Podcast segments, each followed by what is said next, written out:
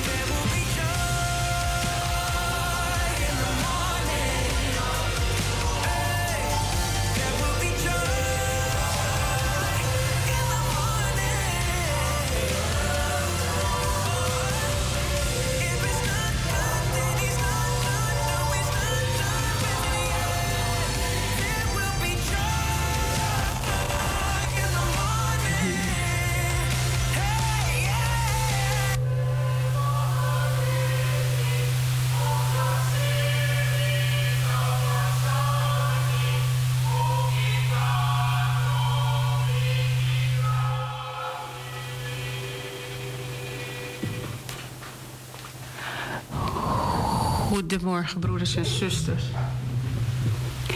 Mijn naam is Farida Ramdani en u bent nog steeds afgestemd op de uitzending van Anitri FM, die verzorgd wordt door de Evangelische Broedergemeente Wie Kerk in Amsterdam Zuidoost. Ik ga u vandaag voor in de morgenwijding en ik zal vandaag de dagtekst en de leertekst met u delen. Zaterdag 3 september 2022. De dagtekst is gehaald uit Deuteronomium 29, vers 28. Wat verborgen is, behoort de Heer, onze God, toe. Wat openbaar is, komt ons toe. Wat verborgen is, behoort de Heer, onze God, toe. Wat openbaar is, komt ons toe. De leertekst is gehaald uit Johannes 17, vers 26.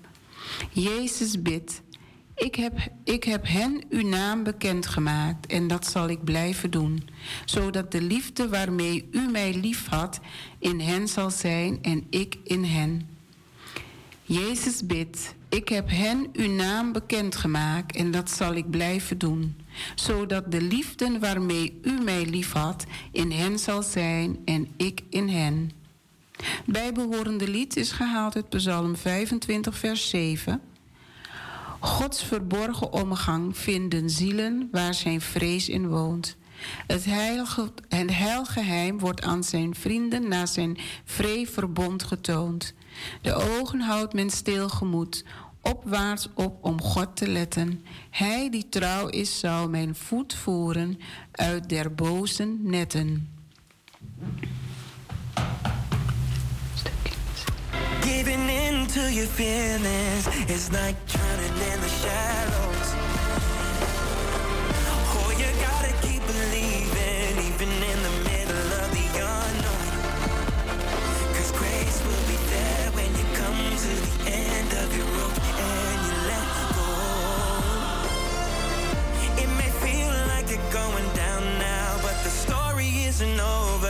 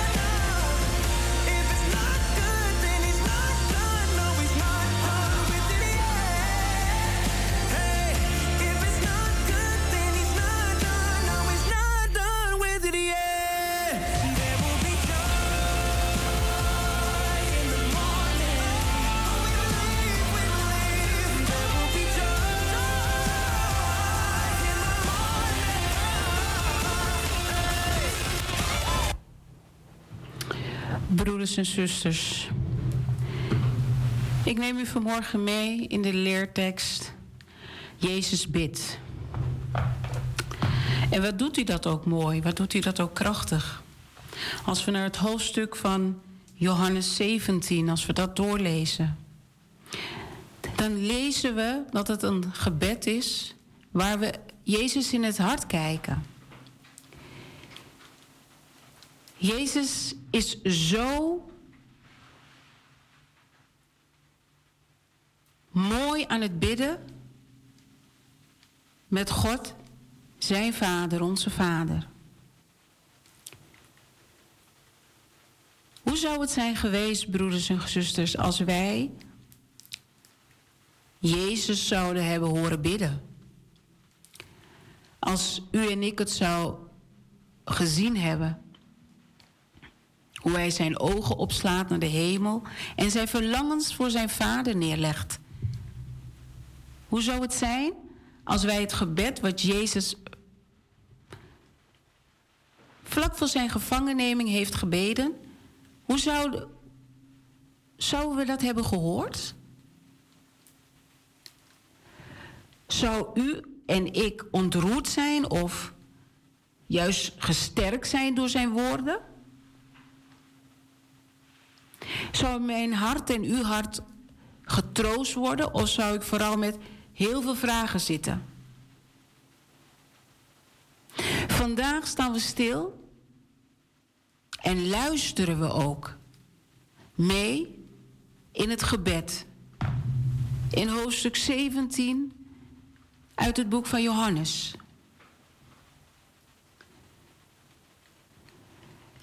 Het is een heel lang gebed. Als u het helemaal vanaf vers 1 leest, in hoofdstuk 17 is het een heel lang gebed. Wij gaan deze ochtend niet de hele hoofdstuk doornemen. Maar ik wil wel bepaalde dingen met u delen hieruit. Jezus spreekt zijn gebed en allerlei bemoedigingen en aansporende dingen aan die hij ook aan zijn discipelen heeft verteld. Hij heeft hen verteld over de overwinnaar, dat hij de overwinnaar is van de aarde en dat ze in hem veel vrucht zullen dragen. Dat hij naar zijn vader gaat om daar het vadershuis gereed te maken voor hen, voor ons.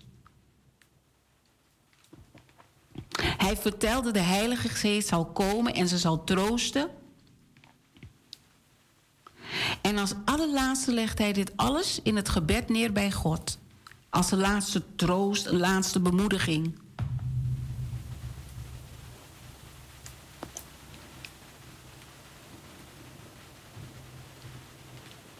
En daarin ziet u in het hele hoofdstuk verschillende momenten waar Jezus ons meeneemt in zijn, in zijn gebed. In vers 1 tot 8 bidt Jezus Christus voor zichzelf. En in vers 9, vers ja, 9 tot 19 bidt Jezus Christus voor zijn leerlingen. En vers 20 tot 26, Jezus Christus bidt voor alle gelovigen.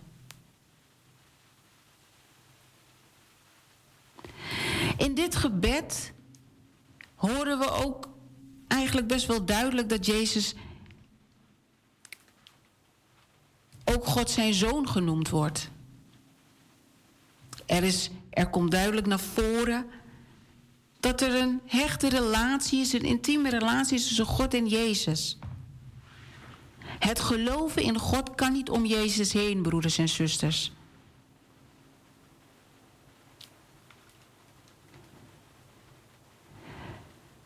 Het uur waar Jezus mee begint in het gebed, zien we ook vaak terugkomen in het Johannesevangelie. Dit is het tijdstip waarop zijn verlossingswerk wordt voltooid.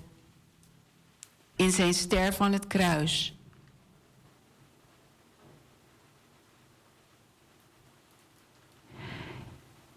In Johannes 17 vraagt Jezus aan zijn vader om hem te verheerlijken door verzoemingen en lijden heen. Het woord verheerlijken wordt hier vaak genoemd. De weg van de nederigheid is de weg van de verheerlijking.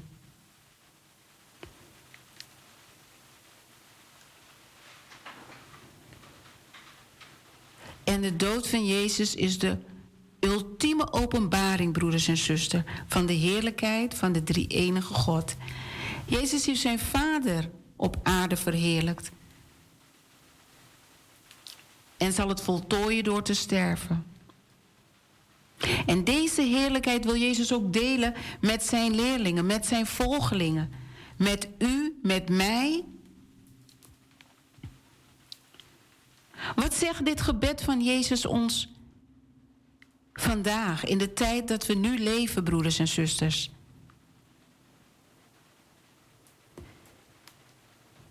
Is het niet een werkelijke eer dat we mogen meeluisteren met het gebed van Jezus?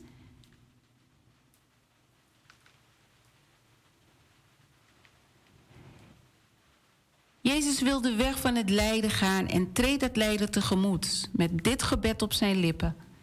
Het is geen smeekbede, broeders en zusters, om verlossing, maar een pleitgebed voor de verheerlijking van God door zijn eigen sterven. Jezus is niet egoïstisch. Maar hij denkt aan zijn kinderen. Voor alle gelovigen van alle tijden en in eeuwen die nog zouden komen. Dus ook nu, broeders en zusters. Jezus is niet zomaar iemand uit het verleden. Maar dit gebed heeft dus ook echt betrekking op u en op mij. Op ons allemaal. Dit gebed vertelt ons dat er in niemand dan Jezus alleen het eeuwige leven te vinden is. Wij niet van deze wereld zijn, zoals Jezus dat niet was. En God bewaart ons door alle tijden heen, broeders en zusters. Hij waakt over ons. In wat voor situatie wij ook doorheen gaan. God bewaart ons door alle tijden heen.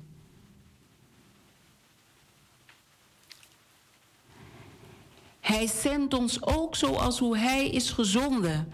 Dus wij worden ook verwacht om Jezus Christus en God de Vader te verheerlijken.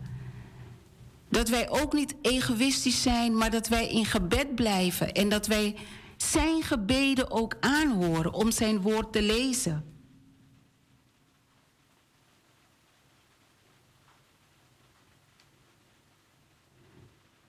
We zijn blijdschap in ons kunnen we hebben. Zijn blijdschap in ons kunnen we hebben, broeders en zusters. Het verlangen van God is dat we één zijn in Zijn naam.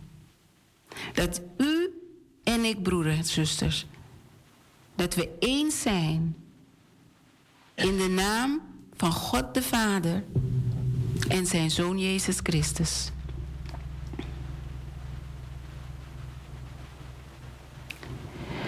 Dus broeders en zusters, als wij vandaag de dag zijn wij dus in de gebeden van Jezus Christus, zijn we ook veilig. In zijn belofte dat hij er altijd voor ons is, hebben we de zekerheid ontvangen. En dat wat hij gebeden heeft naar God de Vader. Hij bidt naar de wil van de Vader. Als wij niet weten, broeders en zusters, hoe we voor onszelf en de gelovigen moeten bidden, kunnen we de woorden nabidden.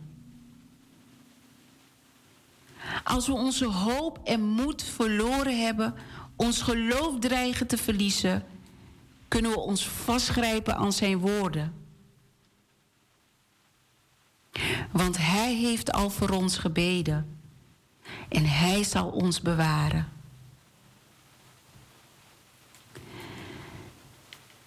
Het is niet alleen de tijd van de eerste lezers van de Bijbel, een vertroosting, dat het een vertroosting was voor hun.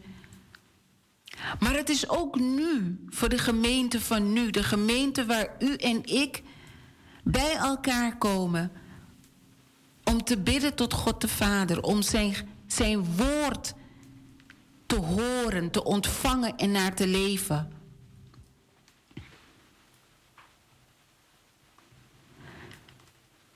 In deze tijd van waar we leven gebeuren er heel veel dingen op de aarde waar wij mogen verblijven. Er gebeuren oorlogen, broeders en zusters.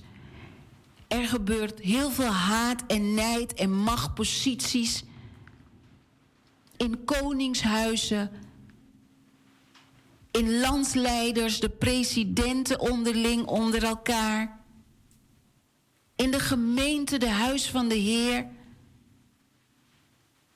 in uw eigen huis, in uw eigen familie. Gebeurt er zoveel. Zoveel waar we mee te maken hebben. Zoveel dat we kunnen benoemen als vervolging en lijden, zoals hoe Jezus Christus ook vervolgd werd en heeft geleden.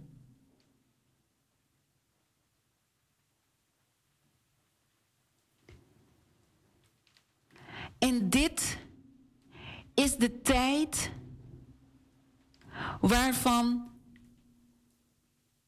de gemeente juist Jezus Christus niet los moet laten. U in uw familie, in uw gezin, Jezus Christus niet moet loslaten. Dat juist de wereldleiders, die zoveel verantwoordelijkheid op hun schouders hebben, dat hun ook mogen beseffen dat ze Jezus Christus niet los kunnen laten en niet los mogen laten.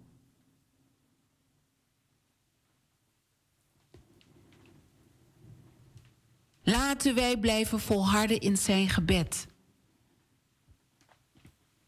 Het gebed van Jezus klinkt eeuwen door, broeders en zusters. Bewaar hen die u mij gegeven hebt in uw naam, opdat zij één zullen zijn zoals wij. Het gebed is zo relevant omdat Jezus het tijdloos bidt voor al zijn kinderen. Zijn hart klopt voor al zijn kinderen, maar allereerst voor onze Vader, zijn Vader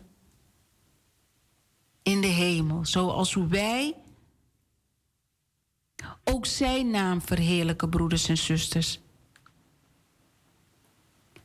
En dat is het verlangen van Jezus. Hij verlangt dat wij de naam van de Vader zullen verheerlijken.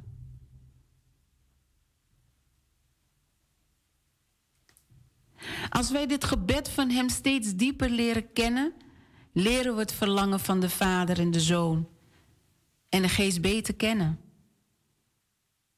Het gebed dat Jezus ons geeft, dat hij gebeden heeft, broeders en zusters, dat is het gebed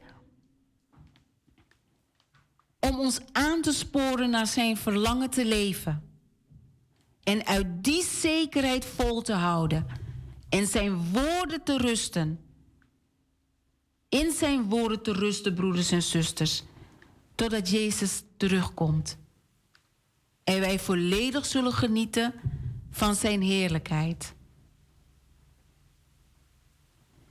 Neemt u vooral mee, broeders en zusters. Houdt u zich er vooral aan vast. Laten wij God de Vader danken dat Hij ons niet dat Hij ons dit gebed niet heeft onthouden, maar met ons heeft willen delen. Laten wij God danken dat Hij ons vasthoudt en niet loslaat. En ik wil u ook meegeven, broeders en zusters. Lees u uit, hoofdstuk, uit het boek van Johannes, hoofdstuk 17. Lees u het eens wat vaker. En ontdek het verlangen van God, de Vader en Jezus Christus. Denkt u daar vooral aan mee?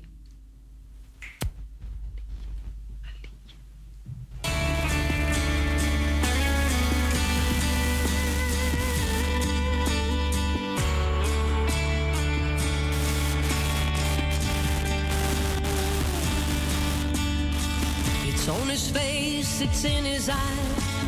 All alone under a mission sign that says, Jesus saves. It's in the tears of a broken home. It's all uphill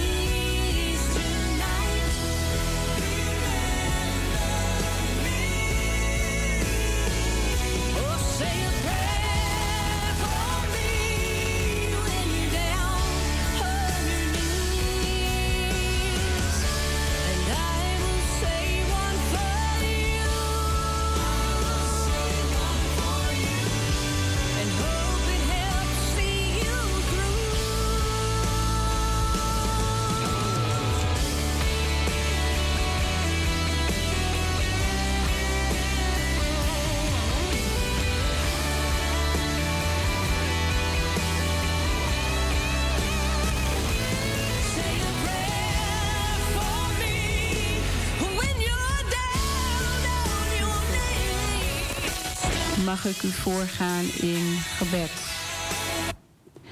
Trouwe Vader in de hemel, wij danken u voor deze ochtend en deze morgen. Wij danken u, Heer, voor het woord wat u vandaag met ons gedeeld hebt.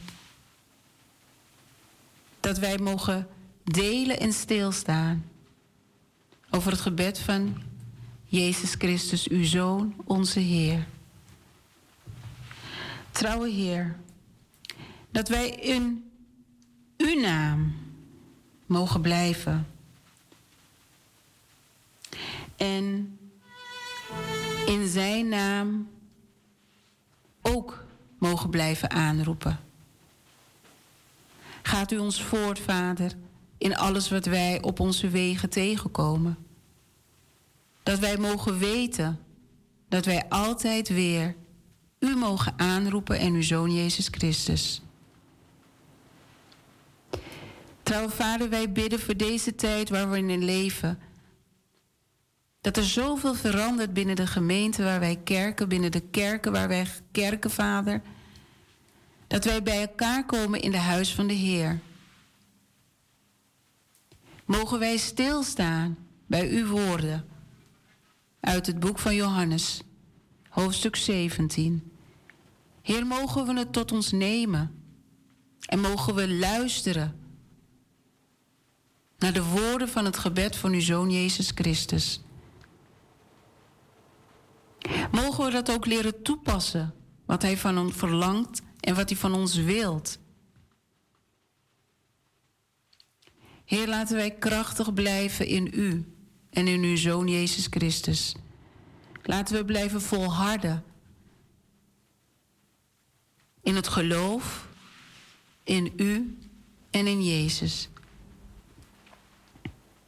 Trouwe Vader, wij vragen U om zegen, wijsheid en inzicht voor alle kerkleiders. Vader, wees u het licht op hun pad.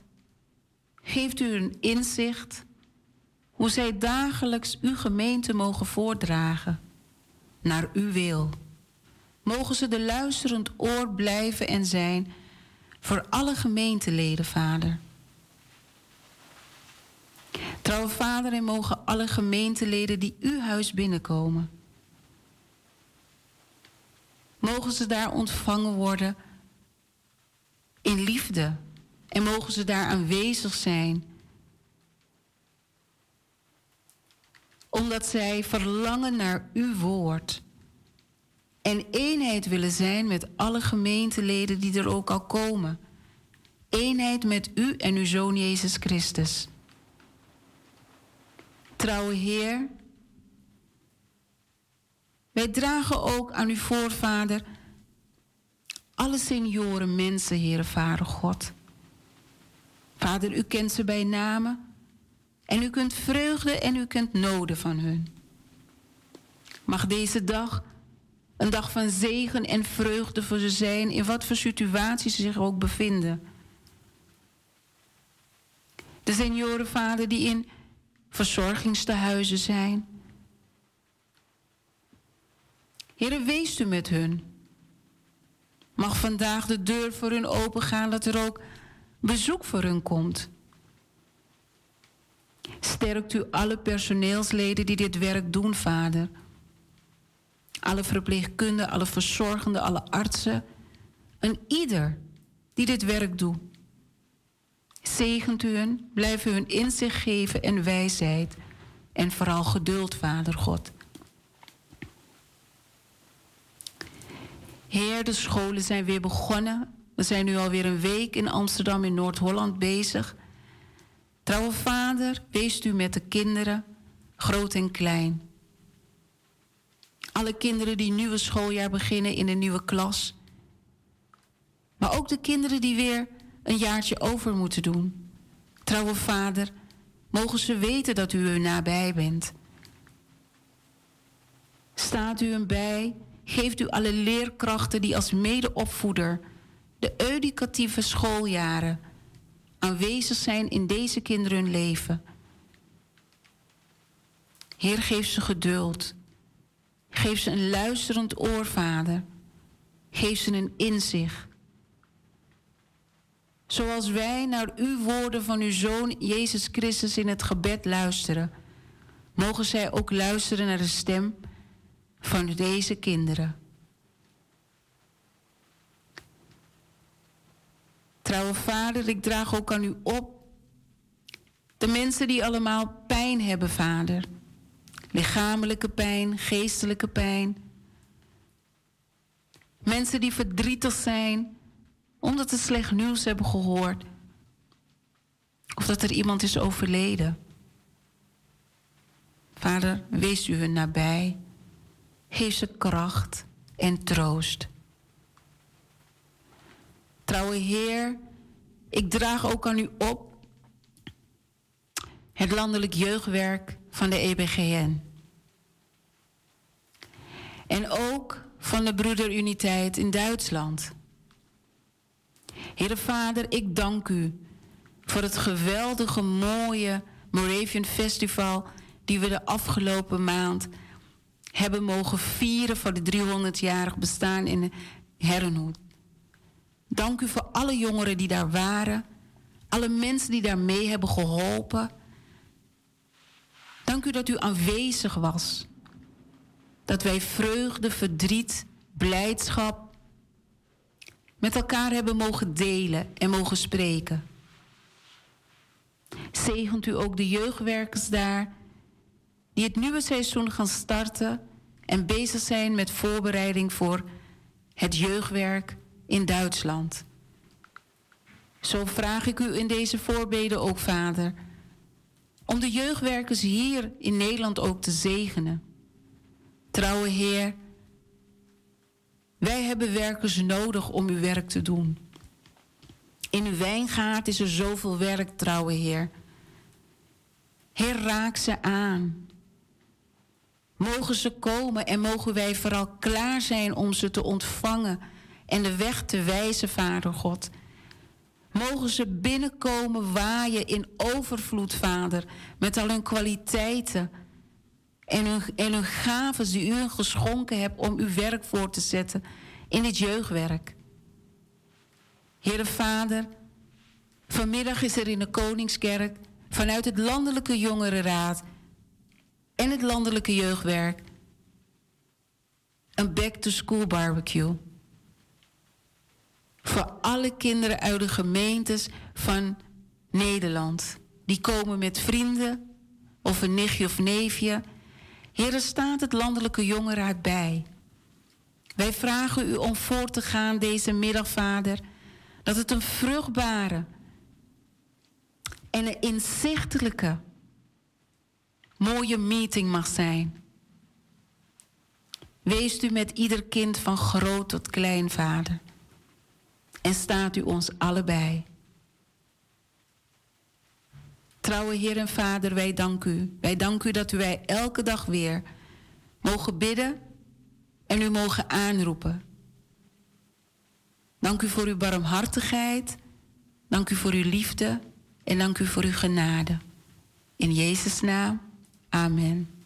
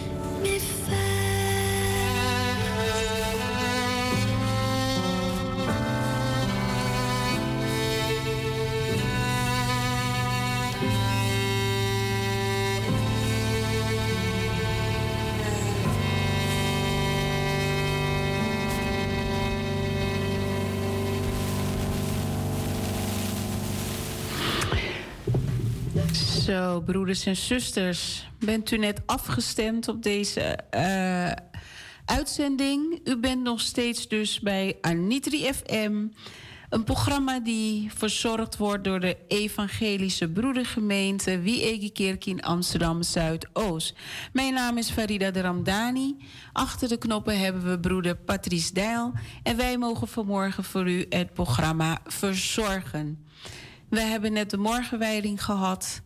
En um, ik hoop ook dat de woorden u ook zo geraakt hebben als hoe het mij geraakt heeft. Terwijl ik bezig was met, die, met, met, met de voorbereidingen hiervan, heb ik het een aantal keren gelezen de afgelopen weken. En ook nagedacht wat het voor mij betekende. Hoe ik erin stond. En hoe ik er nog steeds in sta. En ik kan u echt adviseren Neemt u eens de tijd en leest u Johannes hoofdstuk 17 vanaf vers 1 tot vers 26, 28. En schrijf voor uzelf op wat u er zelf uithaalt, hoe de woorden u raken en wat u ermee kan en wil. En eigenlijk niet wat u wil, wat Jezus Christus wilt dat u ermee doet. Want dat is ook een manier van luisteren naar zijn woorden. Het is ook, zijn, is ook een manier van luisteren naar het gebed uit deze hoofdstuk. Nou, broeders en zusters, we zijn aangekomen. We zijn een beetje uitgelopen, maar eigenlijk moeten we dat niet eens zo zeggen, want het is nog geen 11 uur. Dus we hebben nog tijd om de andere programma-onderdelen ook rustig met u te delen deze ochtend. En uh, we hebben nu het actueel onderwerp. En vanochtend wil ik eigenlijk met u, wil ik u meenemen in de pedagoog. De pedagoog binnen de kerk, de pedagoog binnen de scholen. En, um, en ik heb daar een aantal vragen over. En dan weet ik dat het nog wel eens een dingetje is. Het is nog af en toe moeilijk. Dat mensen moeite hebben om te bellen naar de studio. Maar vanochtend probeer ik het weer opnieuw. Want ik zal volharden in zijn geloof en ik zal volharden in zijn werk, waar hij me voor echt heeft geraakt en uitgekozen heb om dit voor hem te doen. En dat betekent, ik blijf erin volharden om u iedere keer als ik een interactief moment heb in de radio, uh, tijdens de radioprogramma's, zal ik altijd u uitnodigen om dan even te bellen naar de studio en dan ook te reageren op het onderwerp waar we mee bezig zijn of de vragen die gesteld worden. En deze ochtend wil ik u een stukje meenemen dus in de pedagoog. Wat is de pedagoog? Wat doet een pedagoog? En vooral, bent u ervan bewust dat de school waar uw kind op zit, of de kinderopvang waar uw kind op zit, dat het vaak ook gekoppeld is aan een visie van één of twee pedagogen, soms wel drie. Dan maken ze een combinatie van. Maar bent u er ook wel van bewust dat. Vraagt u zich ook wel eens af van. Hoe gaat het eigenlijk binnen de zonderschool, de tienergroep, de jongerenwerk? Hoe gaat het eigenlijk? En uh, wordt daar ook gewerkt met uh, een visie van pedagogen? Ja, we werken wel met een visie. En we werken zeker met de visie van onze Vader en van, onze, van zijn Zoon, onze Heer Jezus Christus. Maar hoe passen we dat toe in het dagelijks handelen? Wat gaan wij daarmee doen? En ik wil ook een stukje met u delen eigenlijk dat de theoloog, die, die eigenlijk al in, uh, als een Moravian uh, theoloog, fysioloog, zoof, in, in, uh, in, in de vroegere broederuniteit eigenlijk heeft gewerkt. Wie hij was, en misschien weet u ook wel wie hij was of niet. Maar daar ga ik straks even met u verder op in. Ga ik samen verder met u kijken zometeen. Dan gaan we dat inderdaad benoemen. Ik wil u echt meenemen in het stukje van Wat is een pedagoog? En heeft u daar eigenlijk al bij stilgestaan?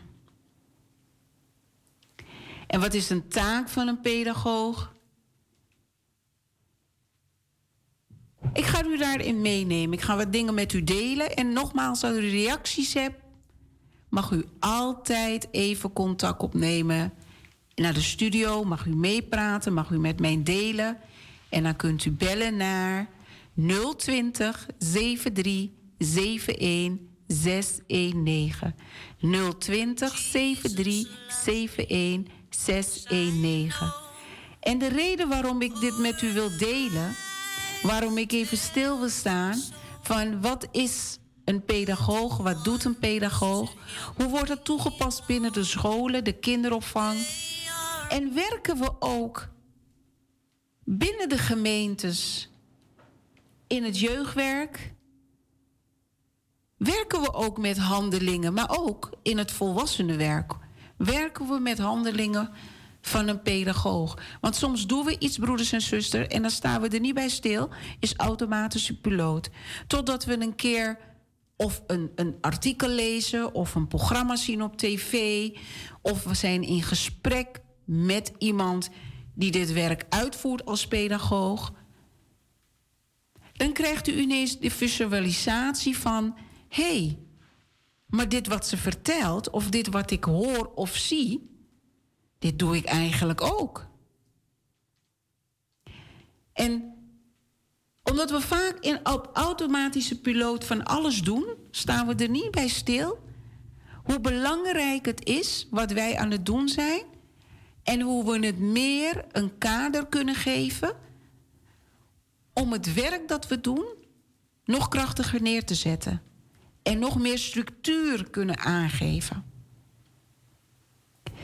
Een pedagoog, broeders en zusters, is iemand die uh, gestudeerd heeft. Je kan als pedagogisch medewerker. Dat is iemand die binnen de uh, kinderopvang werkt, die binnen het jeugdwerk werkt en die meer op groepen werkt, groepen begeleidt. En dat kunnen zijn van kinderen van 0 tot 21 jaar. En dat, heb en dat is een MBO niveau 4 opleiding. Je kan hem ook op niveau 3 doen. En dan heb je de pedagoog, die dan de pedagogiek heeft gestudeerd op de HBO. En je kan ook verder ermee gaan naar de master. Maar een pedagoog is gespecialiseerd in de opvoeding en ontwikkeling van kinderen. De pedagoog die dat stukje wetenschappelijk op de, op de universiteit en op de HBO studeert, die gaan steeds meer kijken naar wat kunnen we nog meer doen aan opvoeding? Hoe kunnen we dat nog meer aanpassen? En hoe kunnen we ouders helpen om de opvoeding en de ontwikkeling van hun kinderen eigenlijk nog beter te stroomlijnen? Want soms lopen wij als ouders tegen bepaalde dingen aan en het is helemaal niet erg. Want opvoeden is niet een vak dat je. Je kan er nog zoveel over studeren, zeg ik altijd. Maar uiteindelijk moet je het zelf in praktijk uitvoeren, broeders en zusters. En wat je dan in, in studie meer leert, daar kan je een combinatie van maken. En uiteindelijk voeden wij ook allemaal op met onze eigen ervaring, wat we mee hebben gekregen uit onze referentiekaders, wat we mee hebben gekregen van oma, opa, tantes, nicht en oom. En wat wij zelf ook ontwikkelen wanneer wij in de rol als opvoeder komen.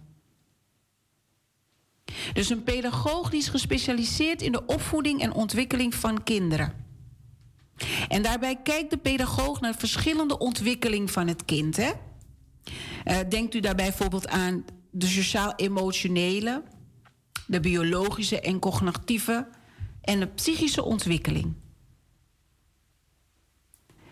En de pedagoog kent ook dus dan de pedagogische voorwaarden om kinderen gezond en veilig op te laten groeien. En de taken van de pedagoog is je geeft voorlichting aan ouders, je kan ze adviseren, je begeleidt ouders. en kinderen. En alle betrokken instanties die ook met kinderen samen, die met kinderen werken, met ouders en kinderen werken. En dat kan op verschillende gebieden zijn. Denkt u aan een school?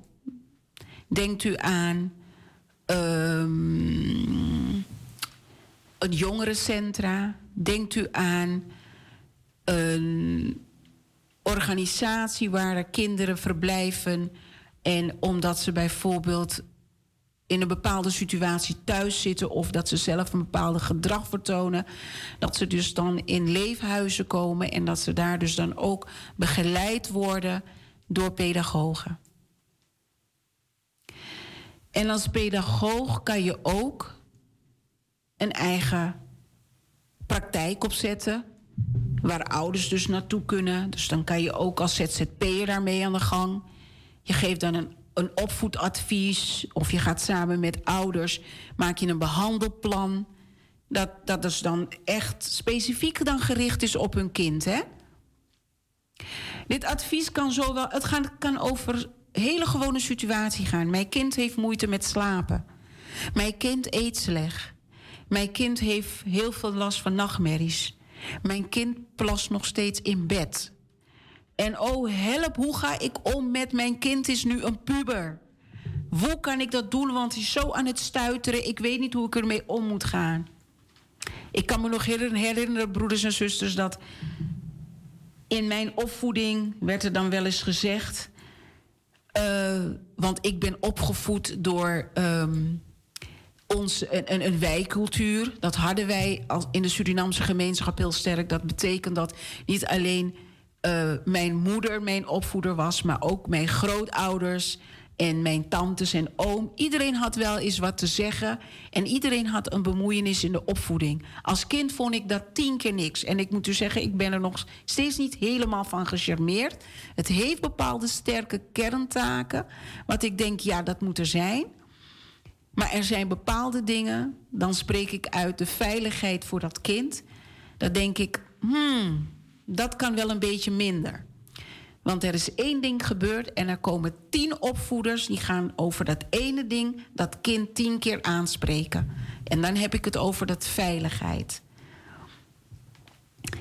Dus en als je kind puber wordt, dan werd gezegd: puberteit, ik ken het niet en ik zal het uit je slaan.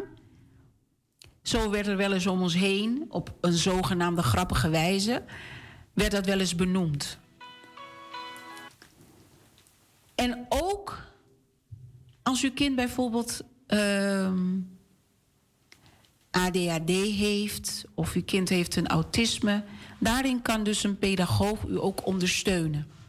En de pedagogen die zitten vaak ook in speciaal onderwijs. Maar je hebt ook bijvoorbeeld als er veel zwaardere problematieken zijn, dan kan een pedagoog u dus dan ook bijvoorbeeld doorverwijzen naar een orthopedagoog of een kinderpsycholoog. En die kijken dan, die gaan dus dan gericht kijken naar het gedrag en de situatie waar dat kind dus in zit en doorheen gaat. Uh, ja, een pedagoog is eigenlijk een, een hele brede uitloop van functies. En uh, je hebt een stempedagoog, opvoedkundige, een ondersteuner, een gezin- en thuisbegeleiders, pedagogisch medewerkers en orthopedagogen, woonbegeleiders, jeugd- en muziekpedagogen, pedagogische begeleiders, danspedagogen, schoolpedagogen, enzovoort, enzovoort. De functie die in de pedagoog heeft, herken je dus meestal aan de beroepsnaam. En waar ik vanmorgen eigenlijk stil wil blijven staan, is de pedagogische medewerkers. De pedagogische medewerkers want dat zijn wij jeugdwerkers in de kerk. Je hebt dat woord jeugd omdat je dan met een grote, brede groep met jeugd te maken hebt. Van 0 tot 21, 25 jaar, 30 jaar binnen de gemeentes. En je hebt de pedagogische werkers die ook de zondagschoolgroepen begeleiden, de tieners begeleiden, de jongeren begeleiden. Maar gebruiken we ook dat er daadwerkelijk pedagogische tools? Zijn we er ook van bewust dat we dat ook toepassen? Krijgen we daar ook een bepaalde sturing in? Hebben we daar concrete vragen over? Binnen de kinderopvang werken ze ook met pedagogische medewerkers. U heeft allemaal vast wel broeders en zusters, een, een kleindochter, een dochter, een zoon, een kleinzoon die misschien nu nog naar de kinderopvang gaat of die erop gezeten heeft. En daar heeft u een bepaalde ervaring mee. Sommige ouders hebben een hele fijne ervaring, anderen hebben minder fijne ervaring.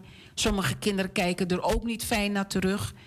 En sommige kinderen hebben er juist een ontzettend leuke ervaring mee. Ik heb 30 jaar in de kinderopvang mogen werken. En ik vond het een, een ervaring met ups en downs. Maar een ervaring die ik never en nooit had willen missen. Want ik vond het ontzettend leuk werk om te doen. Ik heb daar mezelf ook goed in kunnen leren ontwikkelen als persoon. Maar ook hoe ik met de kinderen om kunnen, kon omgaan en nog steeds kon omgaan. En het is zo mooi om het werk te kunnen doen met kinderen.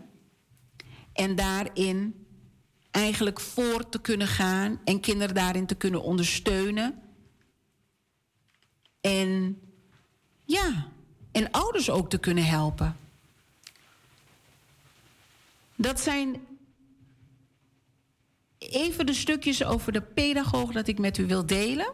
Dan vraag ik broeder Patrice voor een muziekje. En als we terug zijn, dan neem ik u mee, ook in een stukje van de pedagogen die wij uh, binnen de evangelische broeder Uniteit ook hebben gehad. En waarschijnlijk ook nog wat dingen daarin vast zijn gebleven. Broeder, kunt u ons verblijden met een mooi liedje? Ja, zeker hoor. Dank u wel.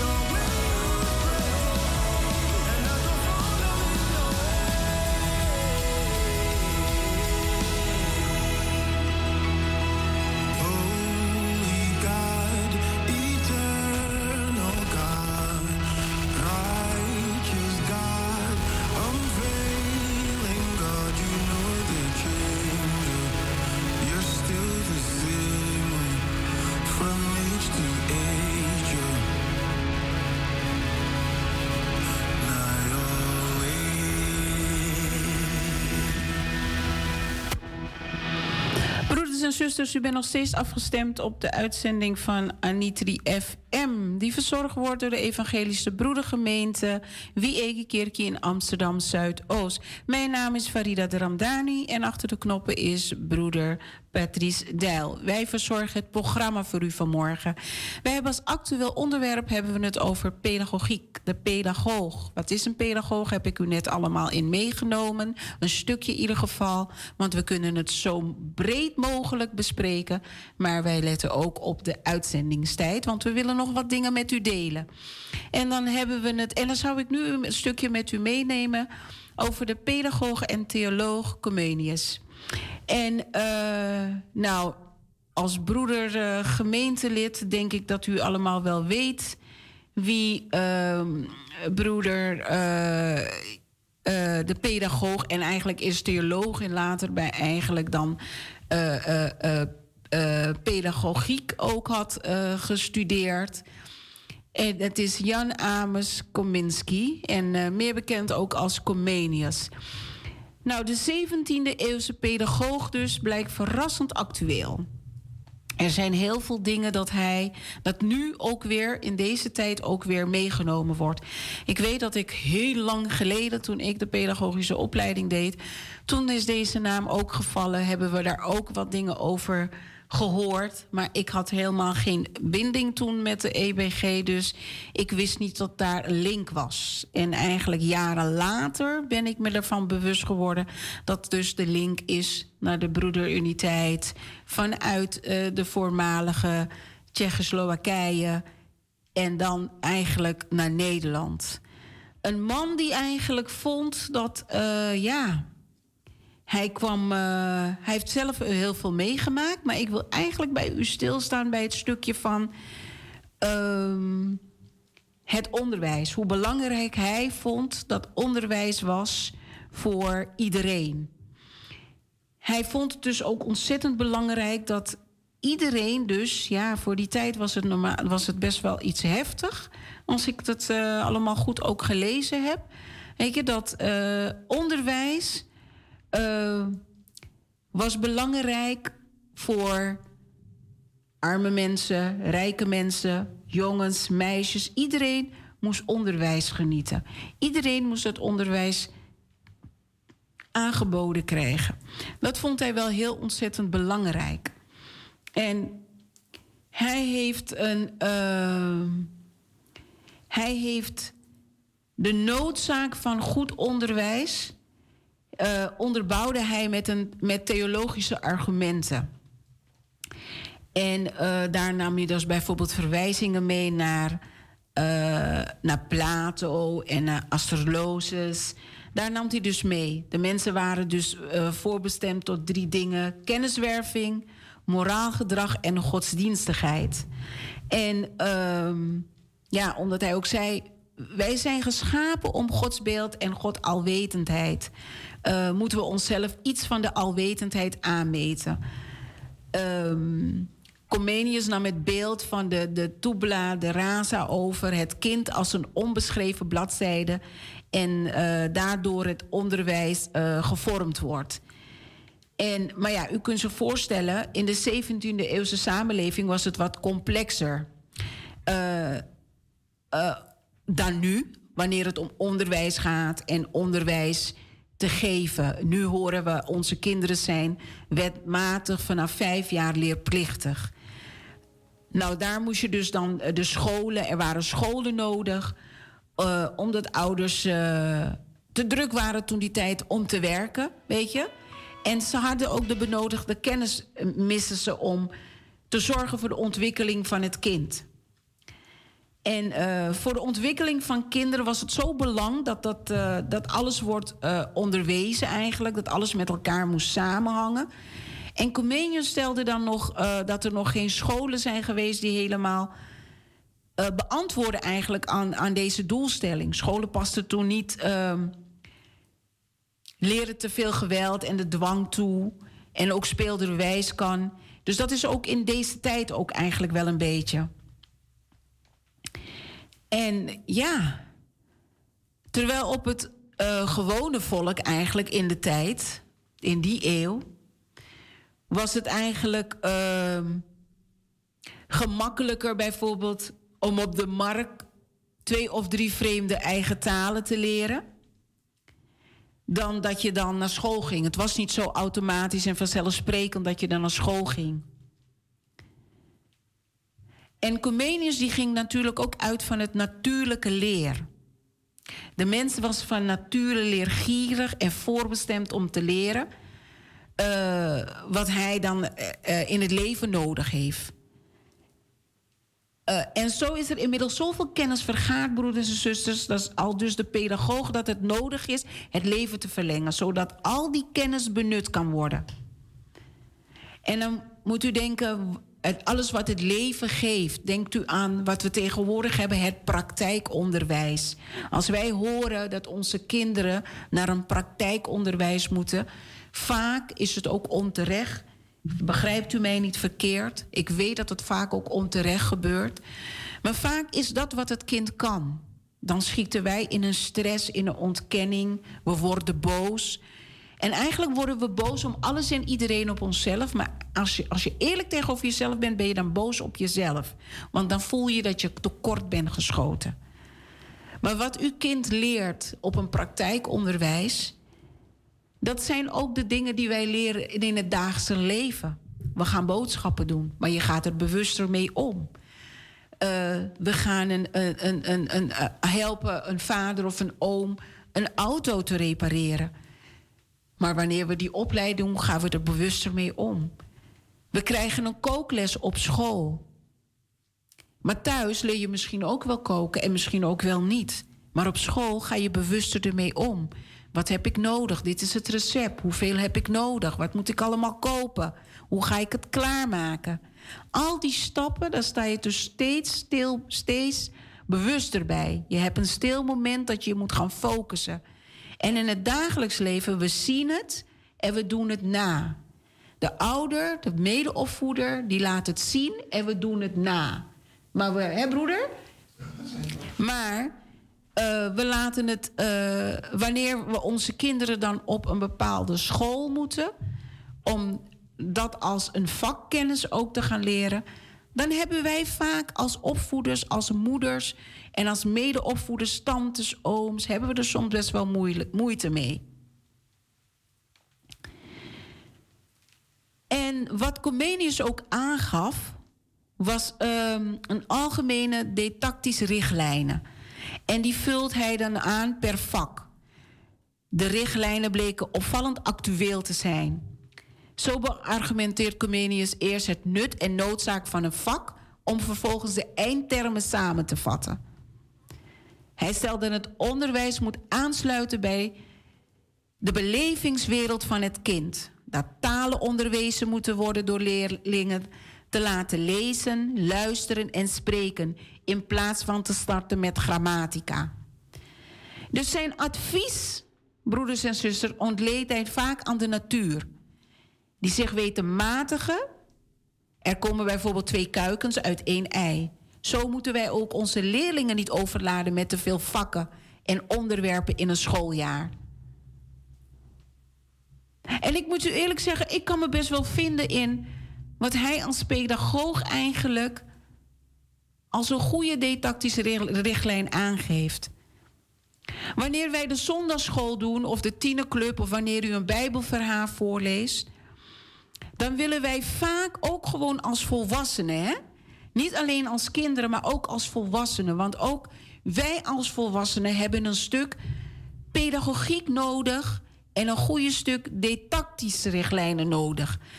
Wanneer we een bijbelstudie doen of wanneer we met andere dingen bezig zijn. Maar laten we het op het woord van de Heer houden, broeders en zusters. Dan zijn we bezig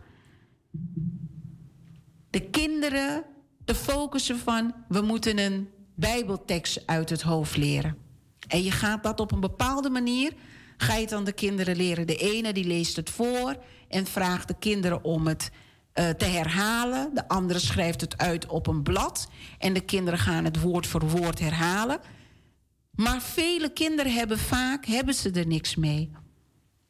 Want ze kennen dat hele verhaal niet helemaal. Het is een tekst uit één Bijbelboek. Gebruiken we de Bijbel zelf erbij? Of hebben we de tekst al eruit gehaald? Hoe maak je het visueel? Hoe ga je het een didactische richtlijn aan toevoegen? En daar bedoelde ik mee toen ik u het begin van dit actueel onderwerp wil, uh, meenam in het stukje van hoe passen wij pedagogiek ook aan binnen het kerkelijk werk, binnen het werk in de gemeente. Hoe staan we daarbij stil? Vaak hebben wij een kant-en-klare programma, we hebben ons voorbereid en het gaat via die stappen. En dat is ook een didactische richtlijn, maar we zijn daar zo op gefocust, want we willen daar ons niet van afwijken. En dan heb je net dat ene kind die een vraag gaat stellen die niet aansluit aan de voorbereiding van de les die je gaat geven. Want hoe groter we worden, hoe ouder we worden, hoe meer we met woorden gaan praten en hoe minder we in de belevingswereld zitten van elkaar, van onszelf en van het kind. En daarom vind ik het ook heel mooi dat je nu ook in het kinderwerk een stukje kindertheologie kan toepassen. Een groot stuk. En dit is wat Comenius ook aangeeft.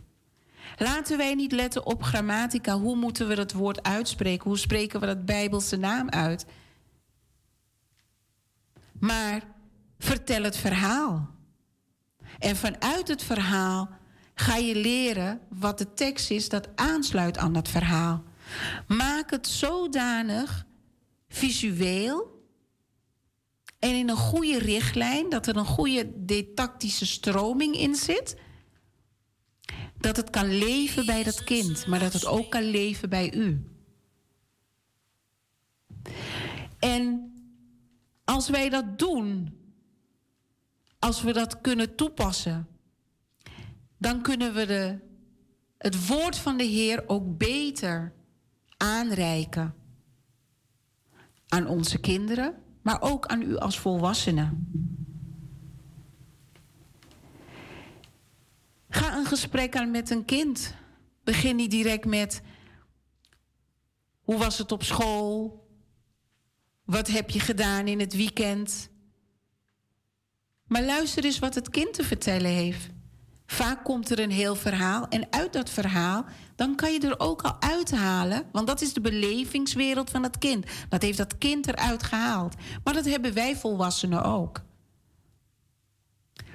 En daaruit kan je dus ook al eruit halen waar dat kind tegenaan is gelopen of wat heel veel indruk op dat kind heeft gemaakt op een positieve manier of op een minder positieve manier. En dat is zo mooi, broeders en zusters. Ik kan u zoveel vertellen hierover, maar ik moet nu toch ook echt wel op de tijd gaan letten. Wat ik u mee wil geven is. Tegenwoordig, als wij bezig zijn, moeten wij niet alle kinderen vergelijken met elkaar, want ieder kind is uniek. En ieder kind die ontwikkelt zich op zijn of haar manier. Zoals u, broeders en zusters, wij elkaar ontwikkelen. Zo is het toch, broeder Patrice? Hoe wij ontwikkelen. Wij, ieder mens is uniek.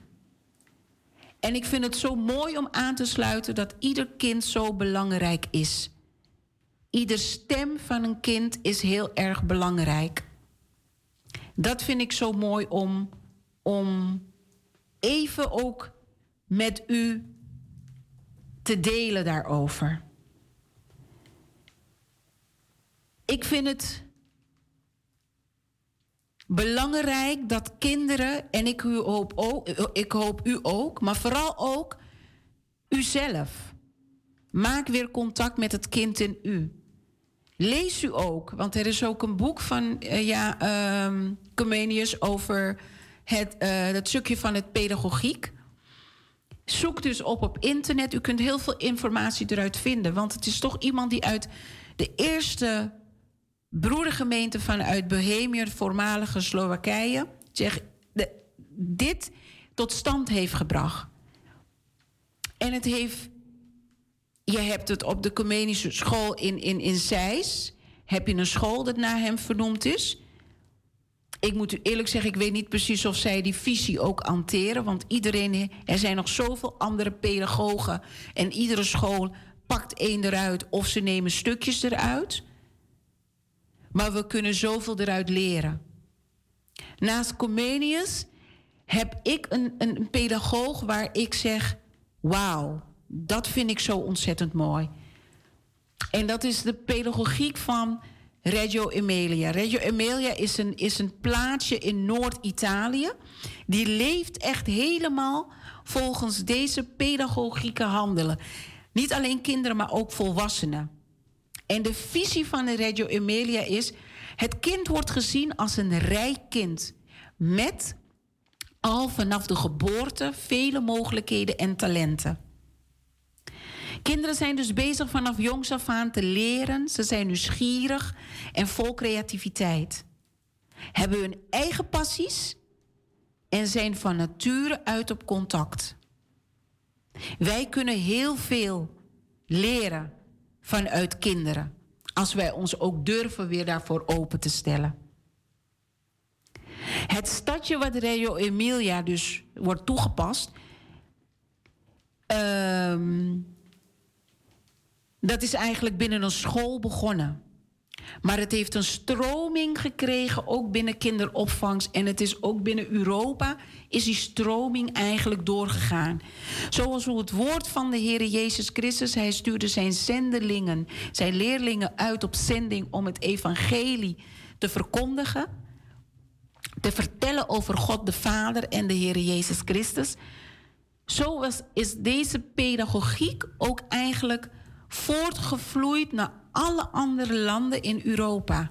En heel veel scholen, kinderopvangs en jeugdwerkers uh, uh, die, dit, die dit ook toepassen. Het is een, een, een, een pedagogiek waar kinderen dus de mogelijkheid hebben sterk, krachtig en creatief te zijn. En wat ik zo mooi vind, als je als medewerker de Reggio Emilia toepast, dan ga je samen met, op kind, met het kind op zoek naar betekenisvolle bezigheden. Voor het kind, hè? Je wil de kinderen optimaal kunnen ondersteunen in hun ontwikkeling. En het is goed om naar de ruimte te kijken. Dat is de derde pedagoog. De inrichting van een ruimte geeft kinderen structuur en daagt hun uit om te ontdekken en te leren. En dat is zo prachtig. En dat is zo mooi. Dat zijn de. Ik, ik, nogmaals, ik kan er zo in blijven om u zoveel erover te vertellen. Maar wij moeten helaas ook verder gaan. En ik wilde één ding nog met u delen is ik had het over de derde pedagoog.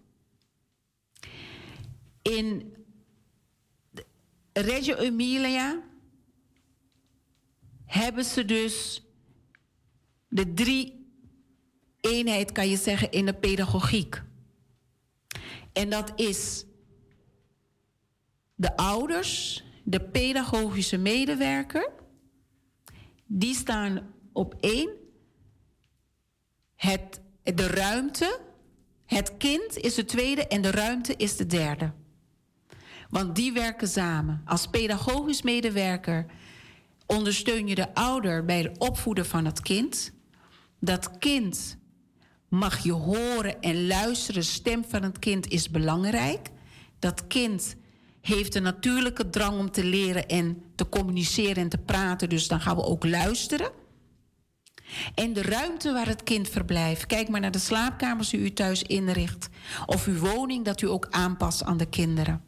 Kijkt u naar de. Uh, naar school, de hoekjes die ingedeeld zijn en ook binnen de kinderopvang. Dat heeft allemaal te maken met een pedagogische visie.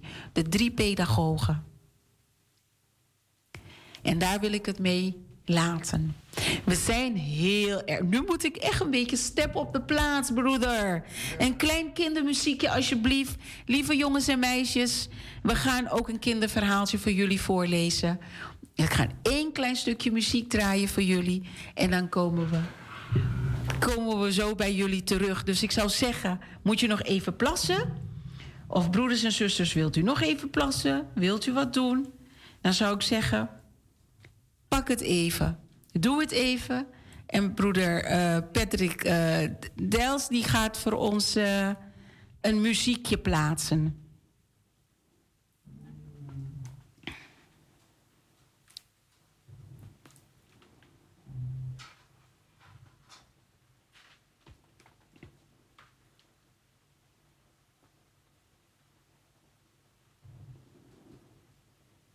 Lukt het, broeder? Doet u maar.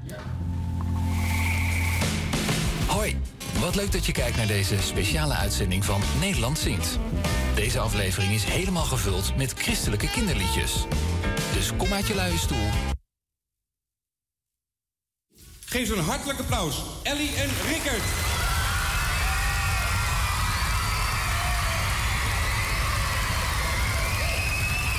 Hallo. Dag allemaal. Goed dat jullie er zijn. Dat is Rickert. Die mevrouw is Ellie. Daar hebben we op de piano en de toetsen Jan Borger. En aan deze kant op de percussie en het drumstel Dick Lemaire. En dan willen we natuurlijk weten hoe jullie heten. Dus ik zeg 1, 2, 3 en dan roep je even je naam. 1, 2, 3.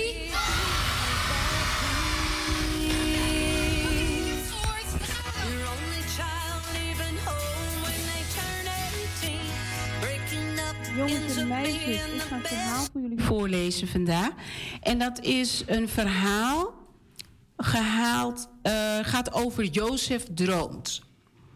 En uh, ik ben heel erg op zoek geweest naar een verhaal dat ik een beetje wilde aansluiten aan um, onze Bijbeltekst. Maar dit staat vandaag vanuit Bijbel Basic. En dat is ook het verhaal dat in sommige kerken de komende zondag, die, de, kerken waar, waar ze in het jeugdwerk werken met de Bijbel bezig, ook behandeld zal worden. Maar ik dacht, oh, wat een mooi verhaal, dit kan ik dus voorlezen.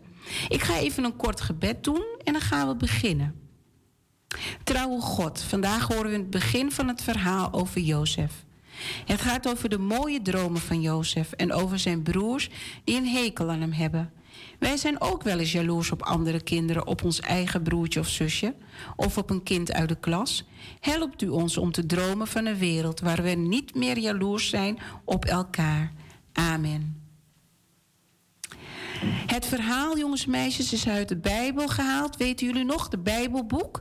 De Bijbel is verschillende boeken bij elkaar die bij elkaar zijn gebonden. En wij gaan lezen uit het boek van Genesis. En dat is uit hoofdstuk 37, vers 1 tot 11. Jozef droomt. Vader, u weet, weet u wat Ruben heeft gedaan? Jozef loopt naar zijn vader, Jacob, en vertelt wat hij over Ruben heeft gehoord. Zijn vader zucht. Wanneer gaat die jongen nou eens luisteren, zegt hij boos. Jozef gaat bij zijn vader voor de tent zitten. Juda en Simon hebben ook iets gedaan wat u niet fijn vindt, vertelt Jozef verder. Zijn vader kijkt verdrietig. Hij slaat zijn arm om Jozef heen. Waarom zijn ze altijd zo ongehoorzaam? vraagt hij. Jozef haalt zijn schouders op. Hij weet het ook niet. Jozef trekt zijn kleurige jas aan en loopt ermee rond. Zijn vader heeft de jas speciaal voor hem laten maken. Dag Levi, zegt hij als hij zijn broer tegenkomt. Levi zegt niks terug. Ook de andere broers praten niet met Jozef. Het lijkt wel of ze boos op hem zijn. Jozef hoorde een keer een van zijn broers zeggen: Vader houdt meer van Jozef omdat hij het kind van Rachel is, zijn lievelingsvrouw. Zou het waar zijn? Jozef strijkt met zijn hand over de stof. Misschien wel. Zijn broers hebben nog nooit zo'n mooie jas gekregen. Die nacht heeft Jozef een droom zoals hij nooit eerder had. Als hij wakker wordt, blijft hij aan de droom denken. Ik heb zo'n bijzondere droom gehad. vertelt hij aan zijn broers. Zeker weer over die korenbossen, zegt Levi, die zo nodig voor jouw korenbos moest buigen. Jozef schudt zijn hoofd. Deze droom ging anders. Wat droomde je dan? Wil Benjamin weten. Jozef begint te vertellen. Ik droomde dat de zon, de maan en elf sterren een diepe buiging voor mij maakten.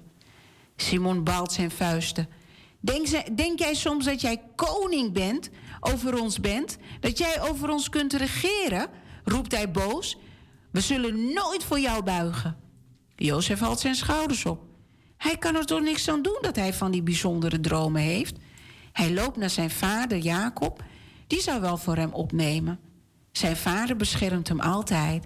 Vader, ik had zo'n bijzondere droom. Opnieuw vertelt Jozef zijn droom. Jozef kijkt naar zijn vader. Ziet hij het nou goed? Is hij ook kwaad? Wat is dat voor een droom, roept Jacob boos. Je denkt toch niet dat je moeder, je broers en ik voor jou zullen buigen? Je denkt toch niet dat jij de baas over ons bent? Verdrietig loopt Jozef weg. Hij begrijpt niet waarom iedereen boos op hem is. En van die droom begrijpt hij ook niets. Helemaal niets. Jongens en meisjes, wat een heftigheid. Wat gebeurt er allemaal? Jozef, die allemaal van die bijzondere dromen krijgt. En die zijn broers en zijn allemaal jaloers op hem. En weet je, als je goed geluisterd hebt, dan heb ik daar nog wel een vraagje over.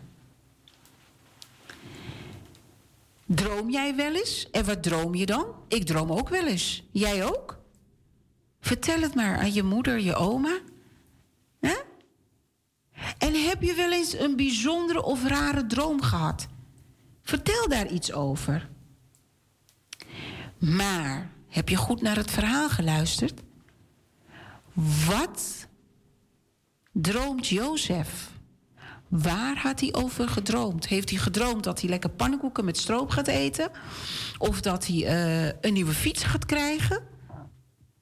Of droomde hij over al die sterren? Droomde hij over de maan en sterren? Waar droomde Jozef over? Praat erover met je broers, je zussen, je moeder, je oma. Of schrijf het voor jezelf op. En stel je voor dat jij gaat dromen dat je de baas bent over andere mensen. Wauw, zou je dat willen? Verzin jij daar eens een droom over? Wat zou er dan in jouw droom gebeuren als jij zou dromen dat je de baas zou zijn over andere mensen? Schrijf daar een mooie droom over. Dat is je opdracht van vandaag. En broeders en zusters, al bent u al wat ouder, schrijf het voor uzelf op. Dat mag altijd. Jongens en meisjes, het was een kort, maar een heel krachtig verhaal. En om dit af te sluiten met jullie, zullen we een bedenzegen doen. Een dominee doet dat met zijn handen omhoog in de kerk. Dan geeft hij een zegen. Maar als je geen dominee bent, mag je wel de bedenzegen doen. Dat doen we uit het boek, uit het Bijbelboek Numeri, hoofdstuk 6, vers 24 tot 25. Zijn jullie er klaar voor? Vouw je handjes maar. De Heer zal jullie gelukkig maken en jullie beschermen. De Heer zal bij jullie zijn en voor jullie zorgen. De Heer zal al jullie denken en jullie vrede geven. Amen. Krijgen jullie mooie muziek? Ik wens jullie een hele mooie week toe.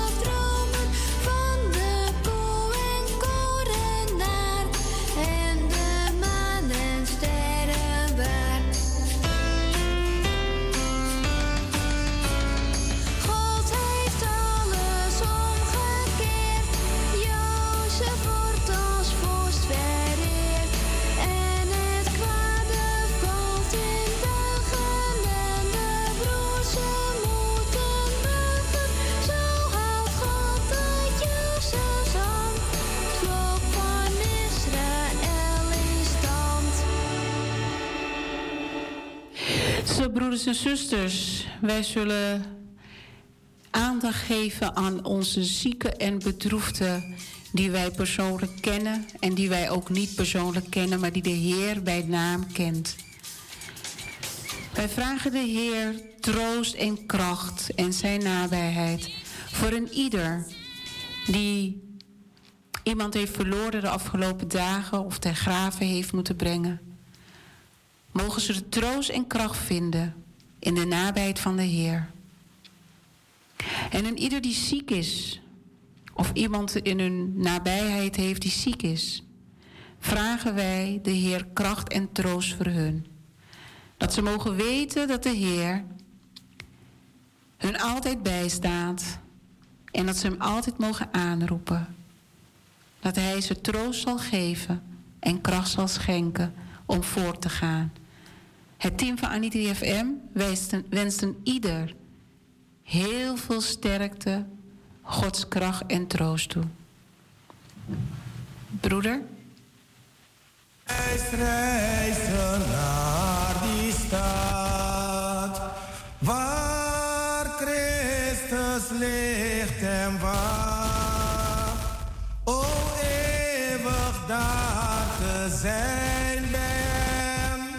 Verlost van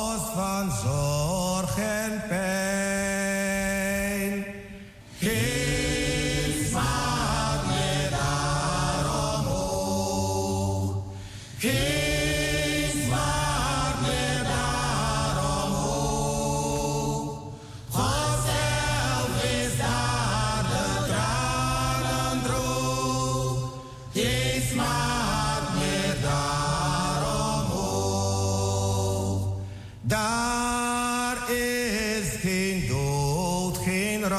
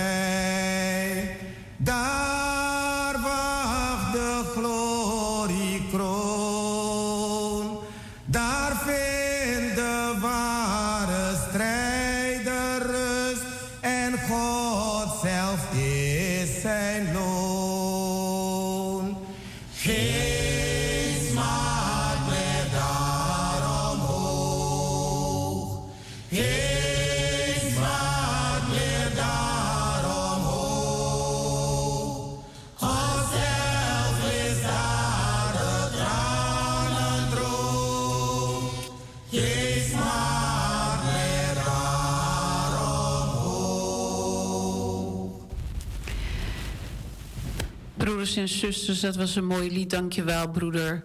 Voor alle mensen die in hun verdriet zitten en hun pijn. Dat ze hier ook door gekracht mogen, kracht mogen krijgen en troost mogen ontvangen. Broeders en zusters, het moment aangekomen voor de mededelingen.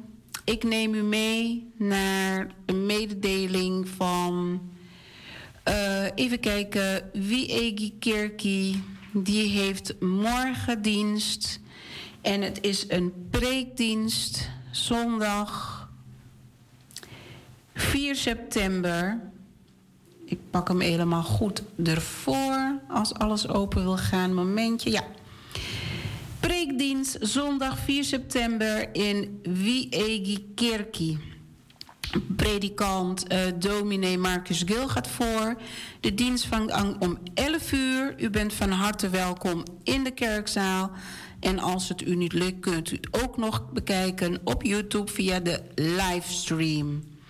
Dus morgen om 11 uur een preekdienst in Wiegi Kerkie. En u kunt Wiegi Kerkie vinden op de Krommehoekstraat 136 1105 Karel Victor Amsterdam Zuidoost. Ook wil ik u even erop attenderen dat er morgen in de Koningskerk om half elf vindt de dienst plaats voor jong en oud. Het is de startzondagschool en de voorganger is dominee Walker. Dus om half elf in uh, Koningskerk Amsterdam. En in het Lichtboog in Almere begint hij om twee uur. Daar gaat ook dominee Walker voor.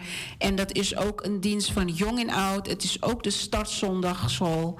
Dus wij wensen ieder die deelneemt aan deze dienst en die er naartoe gaat... en alle ouders en hun kinderen, gaat u naar deze diensten toe... Een gezegende dienst toe. En ook een ieder die naar de dienst gaat in Wie Kerkie ook een gezegende dienst toe.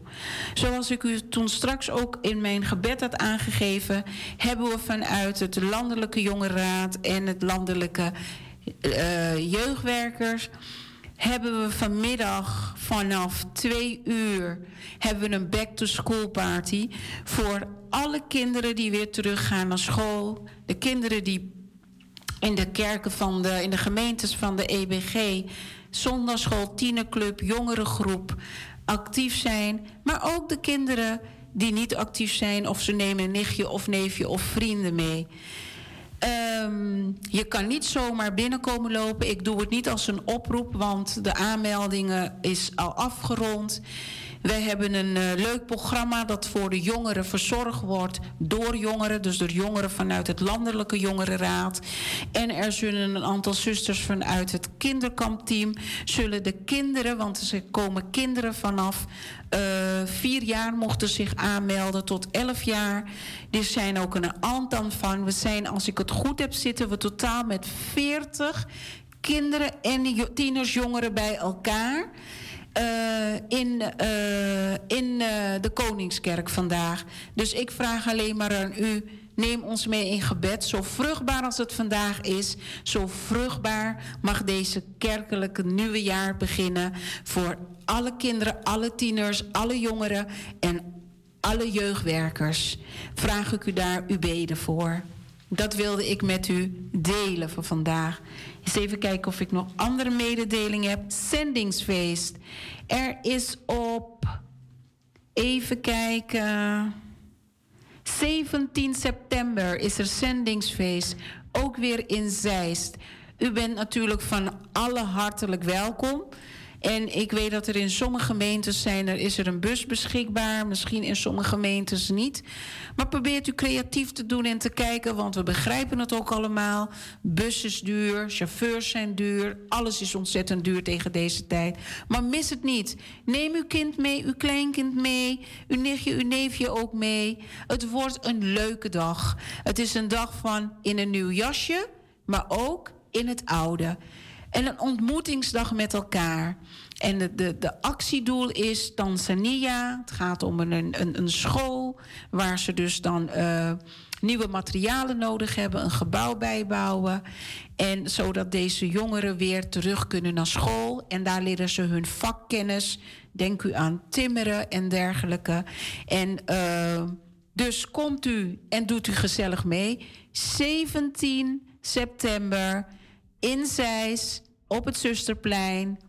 En vraagt u verdere informatie, kunt u ook bij uw gemeente opvragen. Dus u bent van harte welkom. 17 september is ook EBG in gesprek, live aanwezig op het plein. Wij zullen met aantal mensen in gesprek gaan. We zullen mensen wat vragen stellen op het plein. We gaan het hebben over zending en ontmoeting. Dus mist u het niet, komt u, dan kunt u ook met het team van EBG in gesprek kennismaken.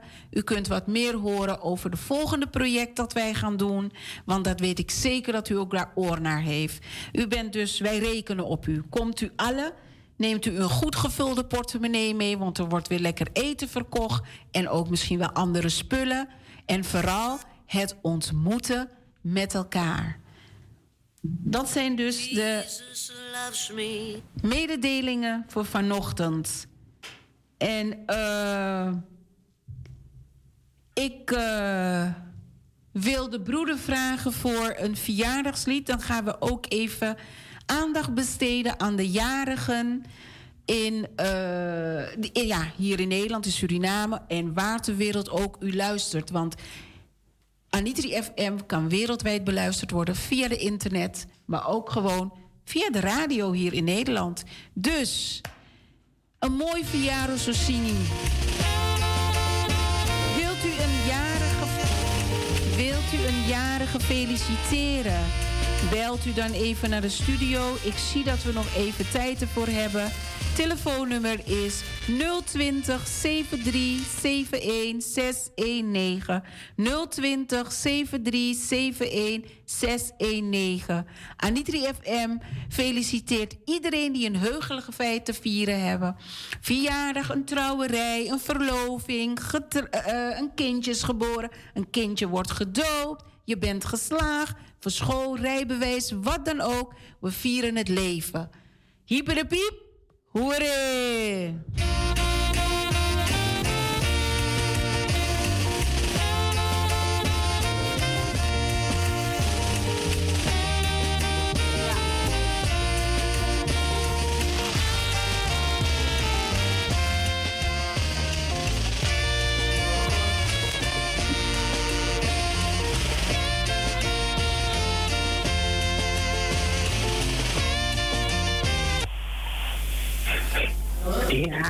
Goedemorgen, welkom in de uitzending van Anitri FM. Goedemorgen, goedemorgen, fijne dag. En ik ben Lili Keerveld. Goedemorgen, zuster Keerveld. Ik wil graag eh, een felicitatie eh, doorgeven. Ja. Hip, hip, hip. Hoera. Ursula voor Ursula voor Ursula Keerveld, die vandaag eh op die jarig geworden is. En ik wens je heel veel geluk in het nieuw jaar. Met vooral goede gezondheid. Vooral genieten van je, je achterkleinkind. Hiep, hiep, hiep. Ja, Ursula, Hoera. een fijne dag vandaag. Ja. Oké, hartelijk dank. Alsjeblieft, zuster. Fijne dag met haar. Dank u wel, dank u wel. En een fijne dag verder. Dank u. Ik moet Doeg. Ja, deze zuster die had ik een paar weken geleden in de kerk gesproken. En toen vertelde ze heel trots dat ze net een achterkleinkind erbij had van drie dagjes oud. Heel veel blessie, zuster Ursula. Mooie dag, Gods rijkste zegen. En geniet u van deze dag en alle mooie zegeningen die Hij u zal schenken.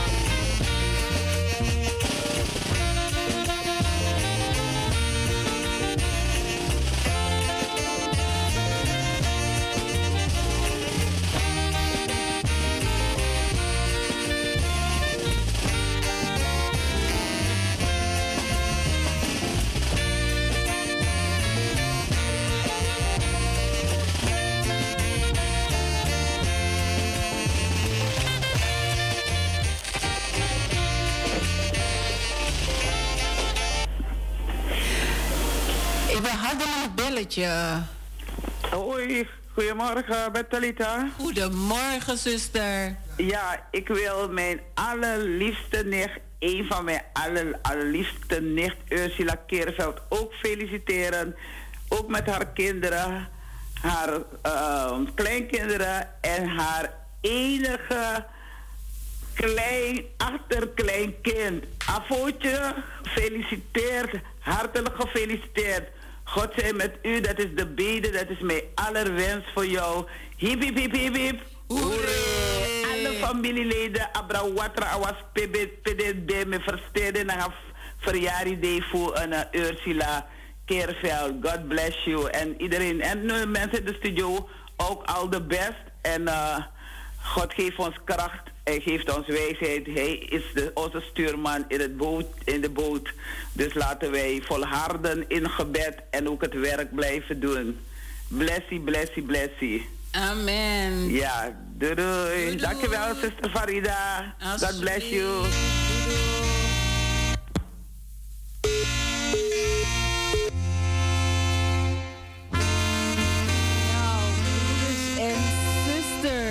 We zijn aan het einde gekomen van ons programma. Dus wij willen u bedanken voor het luisteren. Wij weten en zijn ervan overtuigd en geloven dat u luistert, dat u gekluisterd bent aan uw radio of aan uw laptop of bij uw telefoon. En uh, dat het woord van vandaag meegenomen mag worden in uw leven. Dat u er rijkelijk mee mag aan de gang mag gaan. En dat u een gezegende zaterdag mag hebben. Veel liefde, veel rust, veel vertrouwen, veel behouden in het geloof. En ik wens u een gezegende en een barmhartige en genadige zondag toe. En een hele fijne week. Mijn naam is Farida de Ramdani. Achter de knoppen hebben we broeder Patrice Dijl. Goed weekend en een gezegend